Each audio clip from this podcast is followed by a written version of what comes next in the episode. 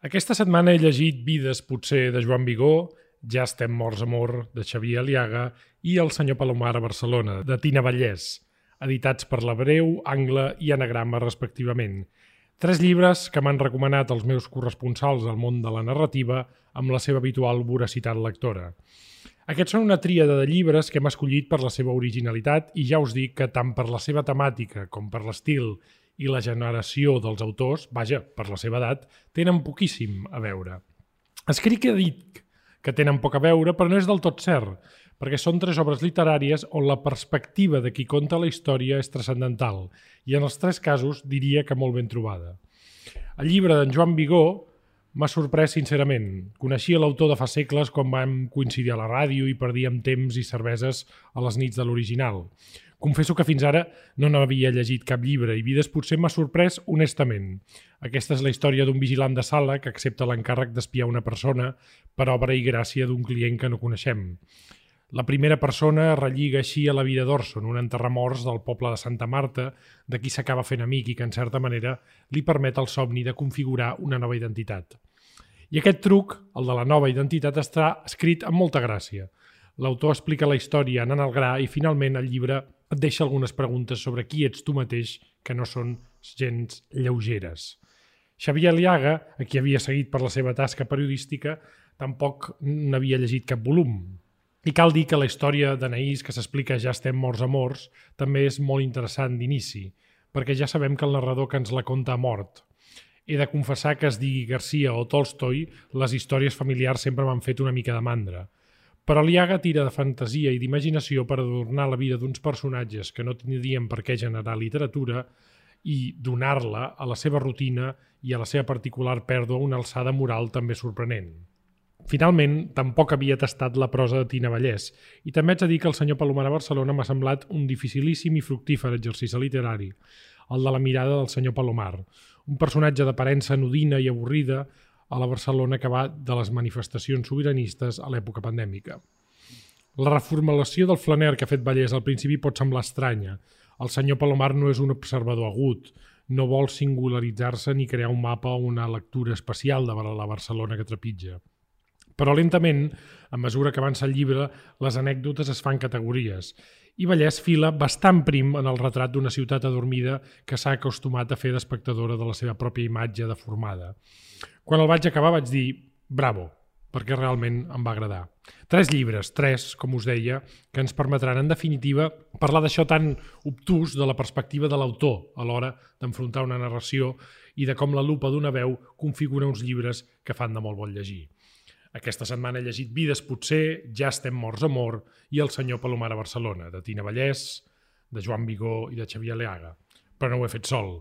Amb mi ho han fet la crítica Marina Porres i l'escriptor Jaume C. Pons a l'Orda. Soc en Bernat de Déu i sou a l'Illa de Mayans, el podcast Dona Llibres. This is my island in the sun Where my people have toiled since time begun I may sail on many a sea. Her shores will always be home to me.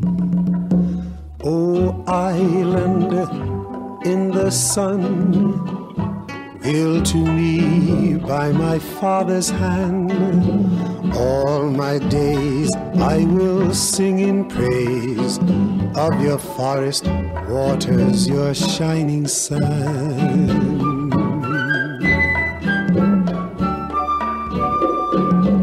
Marina, què tal? Benvinguda. Bon dia, moltes gràcies. Sir James, com estàs? Feliç i eufòric. Hem fet alguna vegada aquests trios de programes perquè teniu tanta voracitat que, que vaja, em provoqueu una vida lectora desaforada. A més a més, m'interessava molt la tria perquè eren tres autors que coneixia del, tant del mundillo, eh? en Joan Vigo és una persona que s'ha prodigat en recitals. Mítica Jaume, persona. Qui havien passat per les nits d'aquell original doncs l'havíem vist moltes vegades per Tan, allà. tan enyorat, per altra una de les banda. taules que havia programat molts anys en Josep Pedrals i que havia estat seu. Uh, Se n'ha de fer una tesi doctoral eh, d'aquells anys de l'original, Sí. perquè per allà va passar gran part de la poesia i de gran part dels autors que escriuen, han escrit i escriuran. No s'ha fet? No ho sé, una tesi doctoral diria que no. S'ha fet un llibre molt interessant que es diu Generació Original, que repassa un- d'una manera fotogràfica amb unes fotos genials d'Anna Marta Huertas i en Dida Rocher i en diferents textos, però la tesi ja arribarà. Jo crec que encara s'estan fent ses novel·les que parlaran de l'original. Exacte. Hi ha novel·les, hi ha molts novel·listes també que han sorgit d'allà, hi, ha- hi ha Sí. poetes que s'han tornat novel·listes, i també era molt interessant perquè, clar, presidint aquelles nits de l'original, i ara ens hem de posar d'en peus, hi havia el nostre enyoradíssim Francesc Garriga repartint Oh. ni convidant a, a cerveses, que això s'agraïa moltíssim.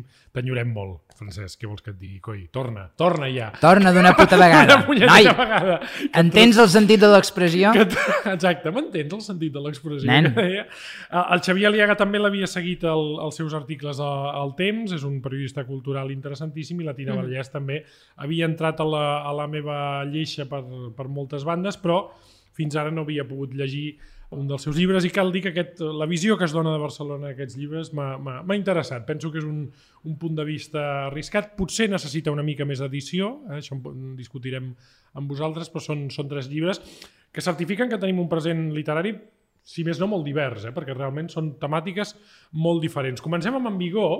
És un llibre que, caram, m'ha sorprès molt perquè és d'aquells llibres que comences pensant que serà una aventura detectivesca, purament grotesca, i s'acaben endinsant en algunes preguntes i algunes situacions molt curioses, no, Marina? Sí, sempre a partir de trucs. A la seva primera novel·la ja passava i jo crec que aquest, aquest llibre és com un, com un truc de màgia, o sigui, Vigó el que va fent és anar traient com conills del seu barret de, de mag, però a S'ho passa bé escrivint, a més a més, es eh? es nota, moltíssim i a més és volgudament eh, un artifici o un truc de màgia ja des del principi. A mi d'aquest llibre m'ha agradat moltíssim la veu del narrador perquè Vigo tot el rato juga amb, amb els clixés i llavors agafar la veu d'aquesta de com del detectiu, de tornada de tot, disposat, disposat a que li passi qualsevol cosa i llavors nosaltres llegim el llibre portats per aquesta veu que ens fa que vulguem que li passi qualsevol Sí. cosa. I a partir d'aquí ell desplega com un univers d'irrealitat, sembla una pel·lícula Sí, sí. de Fellini amb Sí, aquells sí. personatges grotescos. O de David Lynch arriba un Sí. punt també en, aquest, en aquestes festes que Sí, fa amb el seu amic. Truman. Això sembla el Club Silencio de, a més de a més, Mulholland Drive. passa una mica en tots els llibres. Jo són tres llibres que m'han sorprès en el sentit de que, per exemple, aquesta història, ara ho deia la Marina, no comença amb un personatge que és un, un paio que ha estat de vigilant de sales de museu molt de temps. Que de sales de museu. Eh, que havia estat detectiu i torna a, a recuperar la seva feina de detectiu i penses, una novel·leta de detectius, no? I penses, "Ca- quina Una manera- novel·la tapulpa, Déu meu. Exacte. I, I no, no, no, i de seguida veus No. que la gràcia d'això és que, més enllà de la persona que espia, que és un, també un personatge molt curiós perquè és un Sí. enterramorts... I per tant, entranyable. I entranyable. Realment, Vigós el que està fent és donar-li un any de fantasia a un paio que està, el que està fent és reconfigurant la seva vida una mica, no? Sí, eh, jo l'he llegit com un, un joc de nines russes. Sí. És el que va passant, perquè tu te penses que entres dintre d'aquesta història i flop, te fa un canvi amb Sí. una agilitat portentosa i te'n va, se'n va cap a una altra banda totalment diferent. Però no és una cosa, diguéssim, eh, que se li vegin ses costures. No vull que la gent pensi, ah, vull dir, s'anirà notant aquesta etapa constant i de canvi. No, no, és una novel·la superàgil de llegir, la devores, perquè a més a més transmet, al meu entendre, una cosa que és molt important i que la literatura encara ha de reflectir, que és l'adonisme, la passió. Uh -huh. És un llibre de Gaudi, E- és una obra escrita amb molta felicitat. Molta. Sí, I sí. aquesta L'autor- l'autor felicitat... s'ho- insistim, s'ho passa bé. S'ho L'autor passa s'ho bé, passa bé. I fa que mos ho passem molt bé. Hi ha eh, autèntics banquets gastronòmics, hi ha sexe no sòrdid ni brut, sinó un sexe entès com una festa de la carn, com una celebració, no hi ha enveges, no hi ha problemes. Vull dir, a vegades eh, té aquest punt que dius, ostres, és que és tot espectacular, és preciós. I és un llibre que a mi ja m'havia encantat Haiku a Brooklyn, l'anterior novel·la d'en Joan La tinc a Vicó. la tauleta de nit amb ganes de llegir. La recoman ja, sí. moltíssim perquè jo pensava, També a la Breu Edicions, eh? Sí, Haiku m'havia encantat i vaig dir, per mi era, era molt difícil que en Joan fes una cosa diferent perquè se veuen moltes trets. Agafar personatges secundaris, terciaris de la literatura universal i donar un pes protagonista, cosa que també fan en Vilamates i en Bolaño, per cert, autors estimats per ell, i a partir d'aquí jo dic, és impossible que superis Haiku. I en canvi, Vides Potser m'ha semblat un un llibre deliciós. El recoman a tothom. I peeked in to say good night. Hola, aquesta setmana vos voldria fer una recomanació triple per cadascun de llibres que hem eh, defensat. Eh, vos volia recomanar qualque volum que vos ajudi. Començant, per exemple, amb un títol que connectaria amb Sobra lúdica d'en Joan Vigó, vos recoman el volum A la boca dels núvols i Entre sambes i bananes, que són els contes complets d'en Ramon Vinyes, recuperats per l'editorial Males Herbes amb un exercici de justícia literària. Són unes obres meravelloses, uns contes prodigiosos, escrits pel sàvio català que va influenciar en Gabriel García Márquez la seva obra 100 anys de soledat. Una recuperació històrica i canònica que crec que és molt important. Uh, pel que fa a l'obra d'en Xavier Aliaga, m'agradaria recomanar-vos un altre volum editat per Males Herbes, que és Marginàlia. Són tres contes d'en Joan Jordi Miralles, que són absolutes peces mestres.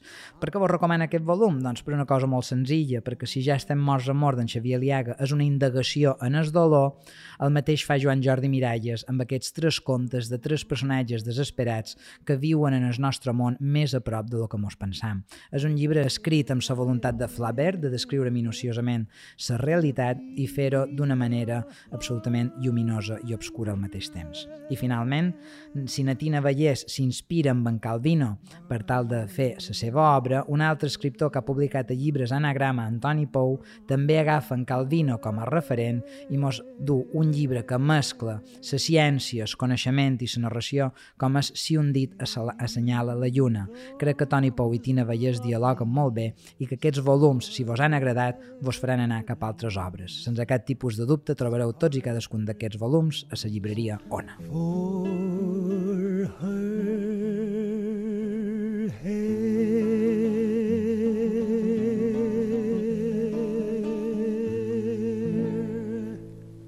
diria que el Vigó agafa trucs de la narrativa de sempre, per exemple, la, la, de la novel·la de formació, de la Bildungsroman, però amb aquest, amb aquest tol linxià que deien en Jaume, perquè realment li passen coses molt curioses, sobretot a través de les dones, aquest personatge, perquè, és a dir, el fet de poder-se reconvertir com a detectiu el posa en contacte amb les dones d'una manera que mai no les havia tingut. Primer, en un contacte carnal amb una prostituta, però després arriba a conèixer una presentadora de televisió Bueno, amb la la qui té un encontre de sexual místico, Sí. no? religiós, pràcticament, no? I la figura de l'estanquera, és a dir, és com aquesta novel·la eh, ens ensenya com el protagonista es, es defineix com amb ell mateix el que li passa a partir de tot el que li, les coses que li passen amb els altres. És a dir, aquest tema de les dones està molt present. I a mi el que m'ha interessat molt d'aquesta novel·la i que ja fa Vigo normalment, dic que és un truc perquè també a ell agafa i barreja la realitat amb la ficció. Llavors introdueix uh -huh. personatges cèlebres, això que deia el Jaume de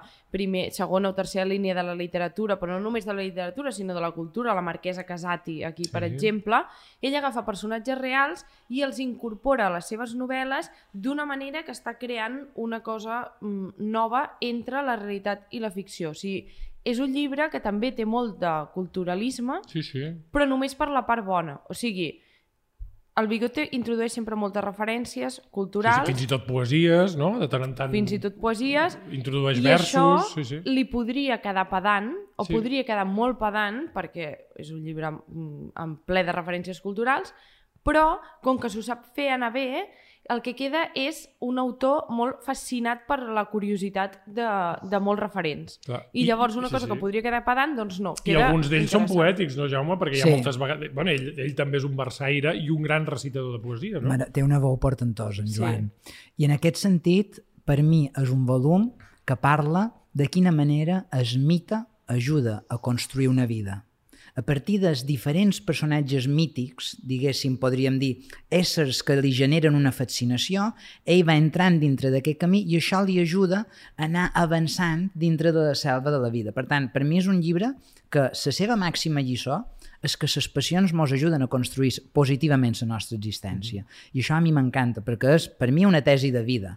Mm, I això, per exemple, també ho puc veure amb el sentit que jo, quan vaig fer Ciutat de Mal, la novel·la, també volia generar aquesta fascinació a partir d'una sèrie de personatges. I jo veig aquí que ell, ja sigui, com explicava na Marina, personatges reals com Nakasati, per exemple, o aquesta poeta jueva que ell s'inventa mm -hmm. en esperits d'entreguerres, que va conèixer els avantguardistes, en en Picasso, etc és un personatge que s'alimenta, però li acaba donant tot un feix d'existència que tu t'arribes a creure que aquella invenció és real, tot i que ell t'està dient que no. Però eh, eh, el llibre és tan potent que en lloc de caure amb un manual que podria ser de literatura, el, acaba sent un manual de vida, un goig de De viure. fet, els, els, el, també és un llibre que parla de la, de la capacitat d'inventar-te a tu mateix a través de la literatura, no? Sí. Perquè això és el que fa el protagonista al capdavall, Sí, sí. un senyor que és un, un vigilant de sala, que és segurament la professió més sòrdida i avorrida del món, tot i que tenen una vida interior molt interessant, perquè són gent que estan no? sempre mirant les mateixes obres d'art, que tenen una relació molt curiosa amb el propi museu.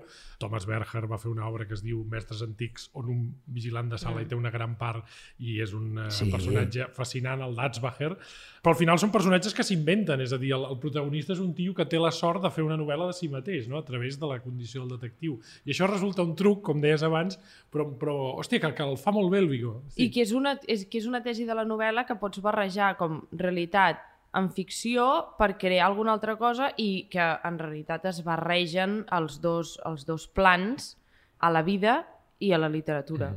Vides potser, ho dèiem, de- d'en Joan Vigó eh, i el Haiku a Brooklyn, és a dir, que acabi aquest llibret, perquè són tres tardes de lectura, eh? els Sí, llibres sí. d'en Vigó són potentíssims però breus, que se'n vagi directament a que passi del Vides potser al Haiku a Brooklyn, jo ho faré, tinc moltes ganes de, Sí, sí, de sí. llegir-los i un dia el portarem aquí perquè ens, perquè ens parli dels llibres. Sisplau. Oh, my love, my darling, I've hungered for your touch. Aquesta setmana, per aquest programa d'aquest trio de narradors catalans contemporanis, jo us vull recomanar un recull de contes que es titula Bromistes, tramposos i mentiders, editat a Males Herbes i seleccionat i prologat pel Ramon Mas. Aquests són un recull de contes que és una antologia del realisme màgic català situat en una època determinada, on hi ha contes de uh, Apeles Mestres, Pere Calder, Josep Carné, uh, Ramon Vinyes, que ara ens recomanava el Jaume, Joan Oliver i Francesc Trabal, per exemple, entre molts altres, i crec que van molt a to amb, els, amb les tres novel·les que hem recomanat avui, perquè tenen molt en compte uh, qui explica la història i per què l'explica.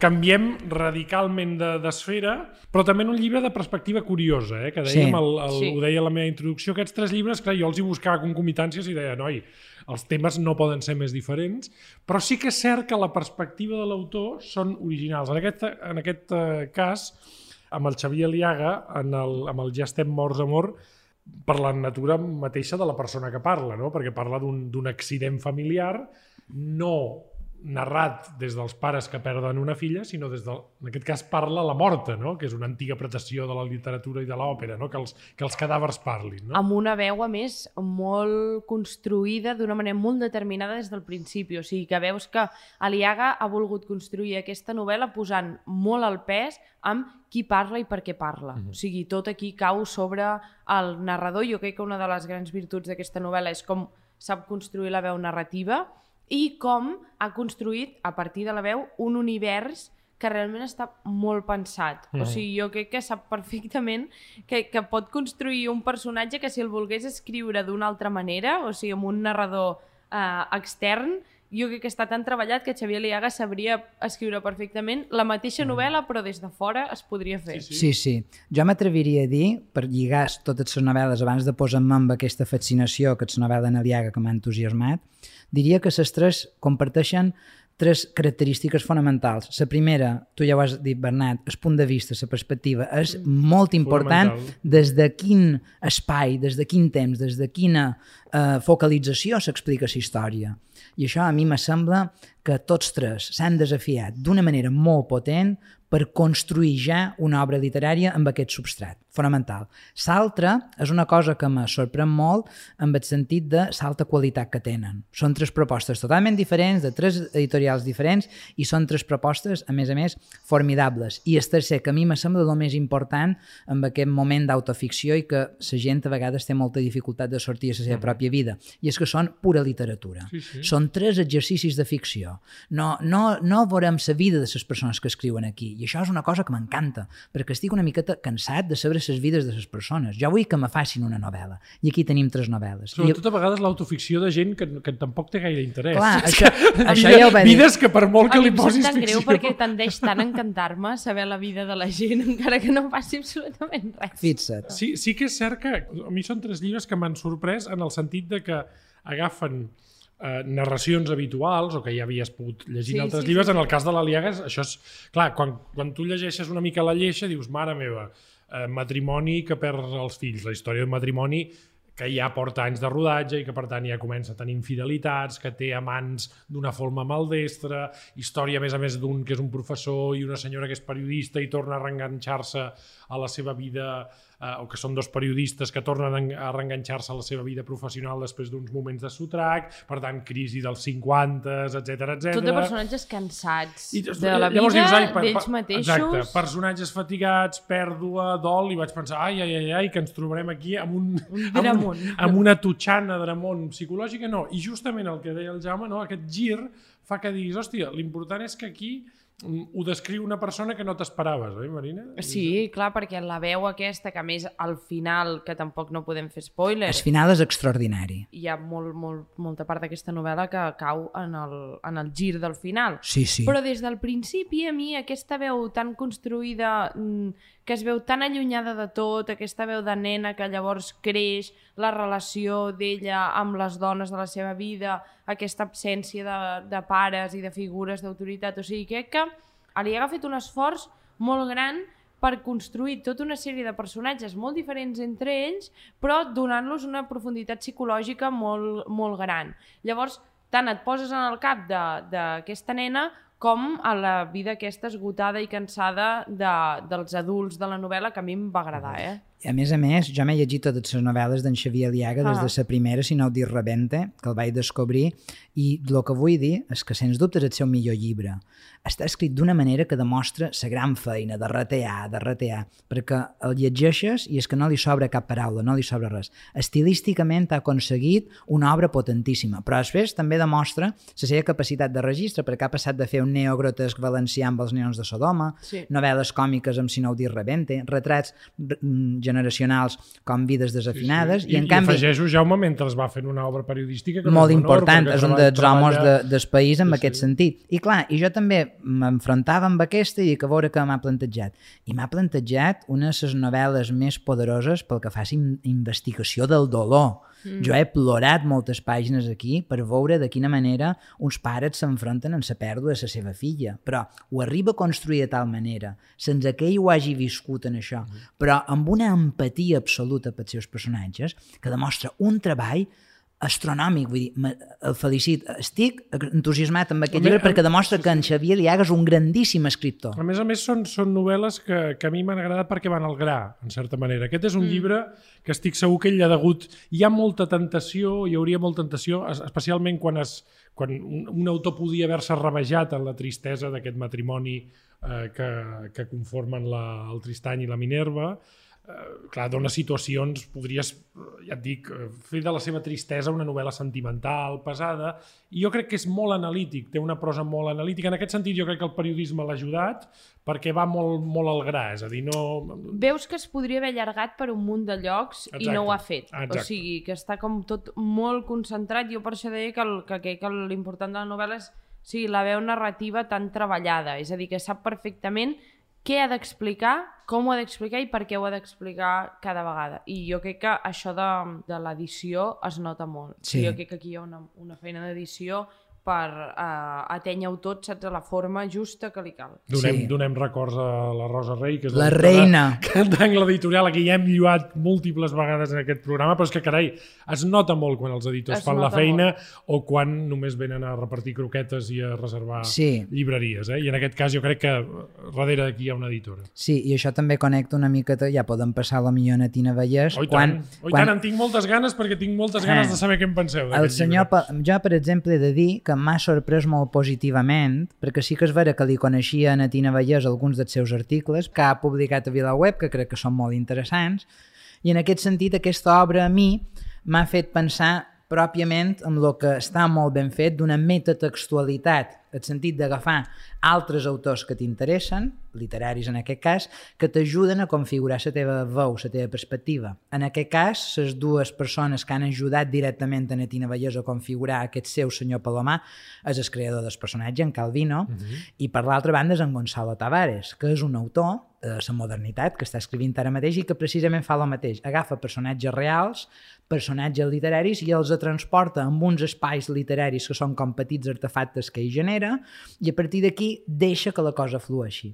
És el que produeix precisament Natina Vallès transplantant el senyor Palomar, que no, no estava mort, és precisament un clam, i a partir d'aquí mm. el fica a Barcelona amb una època que literàriament li surt productiva, perquè clar, el que havia de ser un llibre sobre la perspectiva, sobre el punt de vista i sobre mirar aquelles coses que ningú observa, mm -hmm. que és la feina d'esflaner aquí a la capital de la ciutat com tal, i en canvi resulta que se troba amb un personatge que coincideix amb aquest mm, procés eh, independentista i la putrefacció que se'n deriva després, o també el que ha passat en la pandèmia i els Sí, sí. Està perfectament resumit. La, la clau d'aquest llibre és que està molt ben justificat. O sigui, la- l'epíleg, que realment es, es llegeix quan l'acabes, però o sigui, que Tina Vallès aquí em marca perfectament de quina tradició literària vol que surti aquest llibre, què està fent ella amb aquest llibre i Sí, sí. quan D'on d'on sorgeix també, perquè Sí, aclareix sí. també que sorgeix d'una sèrie d'articles que va fer pel Time Out i que després va i que és- ampliar. I que és de dir, tu han marcat tan perfectament que ja saps on, on encasellar-lo. O sigui, està tot el llibre justificat en, en aquest epíleg. De dir, jo volia fer una novel·la sense argument i que més partís d'aquest personatge i això és el que fa. La tècnica és molt bona, o sigui, escri escriu molt bé, per dir-ho, com, Sí, sí, sense elaborar-ho, però és així, sempre, sempre li ha passat i de fet ja es veia. A més, ja es veu que li interessa explorar un altre tipus de novel·la, que és una cosa que ja es veia també al, al seu llibre anterior, que a més ha sigut molt, molt exitós, La, memòria, de l'arbre. moltes Em. traduccions, Premi Anagrama, llibres... Sí, i ja, ja era una novel·la que la volia fer des d'un lloc diferent. A mi, més que la, les referències literàries, que evidentment són claríssimes i, i la, penso que l'autora fa bé en, en, en donar-nos-les, perquè si no... Primer perquè ens, ens porten a grans llibres. Jo tinc moltes ganes de llegir el- l'original de Calvino, o l'original no, diguéssim, el llibre que dialoga de Calvino amb aquest llibre, però sí que hi ha dues coses que a mi m'han interessat molt, més enllà d'això, que és realment hi ha una voluntat de buscar un nou tipus de flaner, que és interessant, és a dir, aquesta espècie de senyor de 50 anys que va per una ciutat que passa d'una sublevació brutal els dies posteriors a, vaja, no, no a l'1 d'octubre, però sí No, a la les celebracions, sentència. però que ho sempre, sempre ho fa amb aquest aire de parsimònia. De, És a dir, deslligat de tot. Deslligat de tot, és un personatge que, que d'aquí la la dificultat per mi tècnica del, del llibre, és un personatge que literalment no té interès, és a dir, és un tio No, que gens. segurament intuïm, de fet no sé si es diu de què fa, però intuïm que és un professor o és un, un, un No, però interessat per l'art. i tota l'estona està dient que la seva feina és simplement sortir Exacte. a passejar i mirar. Exacte. O sigui, que la Eh? seva feina és precisament aquesta cosa de l'observació i és un personatge que clar, és d'aquests que sempre passa amb els, amb els flaners, però amb, amb Balser també passa, que posa molt nerviós. Sí, perquè clar. penses, Sí. clar, és que com pot és que ser... no fa res. És que... No fa res i a més molt desenganxat i tot és com si tot fos igual perquè les coses l'afecten d'una manera que és tan, tan íntima que no, que no té com cap conseqüència Sí, real. sí, és la, és la pura indiferència. Però, petit, però jo, jo diria, i, i no sé si això un dia la portarem perquè, perquè podem fer un monogràfic de l'obra de la Tina Vallès, que em semblaria interessant, però no sé si això, potser és una lectura molt sintomàtica meva, si amaga sota aquesta indiferència també el retrat d'un tipus de ciutat com desgastada, cansada, molt vaporosa, perquè en el fons la ciutat hi apareix poc, apareix, apareixen detalls com una pedra que el personatge toca de la Sagrada Família en un dels pocs moments místics de la novel·la, no? però místics d'una manera molt curiosa, perquè és un senyor que camina, ha estat uns dies reclòs i de sobte s'emociona tocant Vaja, et dic s'emociona, que tampoc s'emociona, no. no, toca una pedra de la Sagrada Família i diu, ai, i reflexiona una mica sobre Gaudí d'una manera molt frívola per tots els públics i després se'n torna a casa. És a dir, un personatge que no té cap mena de transformació interior. Mm. I a vegades llegeixes, o estava llegint i pensava, hòstia, és molt difícil el que està fent, i se'n surt. A més, se'n surt amb capítols molt curts. Sí. És a dir, és una, és una suma de com petits passejos del, del senyor Palomar i, i de tots ells en, en treus una visió que dius, hosti, ho ha fet molt bé l'autora, ho ha fet molt bé. agafa aquests momentums però que no arriben a cap evolució. I això és una cosa que per, per aquest motiu ho he connectat amb en Gonzalo Tavares. També se podria connectar, per exemple, amb el Montsià Test d'en Valerí, que són aquests éssers de, de, del segle XX, també del segle XXI, éssers postmoderns, que no són gaire característics ni per brillantor intel·lectual, sí. ni per apassionament emocional, ni per res, vull dir, són éssers abúlics i són criatures que amb una incapacitat eh, d'existir més enllà de la pròpia mirada. Això és el que fa que també te generi un sentiment molt curiós, però això, al meu entendre, és un desafiament com una tècnica olipiana, com per exemple en Joan Vigó, que també uh -huh. sembla que sí. faci servir una tècnica olip o unes traves per tal d'escriure vides, pot ser.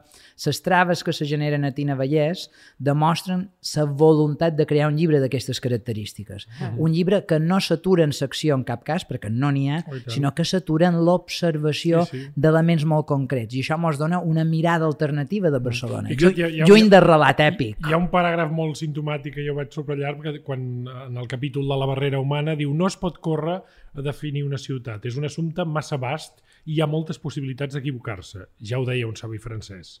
Palomar no té pressa, no n'ha tingut mai, no va en contra del temps, ni l'empaita, sinó que hi camina de costat, de bracet, seguint-li el ritme. La ciutat tampoc es pot justificar, i és, és el nostre espai, no en tenim cap altre. No hi ha res inhumà en una ciutat tret de la nostra pròpia humanitat. En moments com aquest trobo que és una, una prosa, caram, difícil d'aconseguir. Està eh? molt ben escrit el llibre, realment. Uh, sí que és vera que pot ser qualque capítol s'hauria pogut retallar una miqueta més, qualque part pot ser hauria estat una miqueta més esmolada, però els moments en què llegeixes frases d'aquestes, d'aquesta correnta, que és Natina Vallès, traductora, editora, uh, persona ficada en mil històries, vull dir, realment és admirable. Doncs escolta, eh, insistim, tres llibres singularíssims, tres llibres amb una perspectiva literària curiosa. Per a mi, ho haig de reconèixer, en aquest país que tothom llegeix eh, de tot, eh, jo mira que llegeixo, però encara, encara em falta temps per llegir tot el que surt, que s'edita molt. Tres autors que jo no havia conegut i que he descobert i que els seguiré. Joan Vigó, Vides potser, a la breu, un llibre divertit, fascinant, ple de descobriments. Ja estem morts, amor, de Xavier Aliaga a la nostra estimada Angla Editorial, i el senyor Palomar a Barcelona de la Tina Vallès, a Llibres Anagrama, tres, com dèiem, llibres que semblaven molt diferents, però que, pel que fa a la perspectiva de, de llegir, donen sorpreses i estan molt ben escrits i certifiquen que vivim eh, contra els pessimistes un present literari bastant interessant i bastant, sobretot, eh, divers. Moltes gràcies, Marina, Jaume, i fins la propera.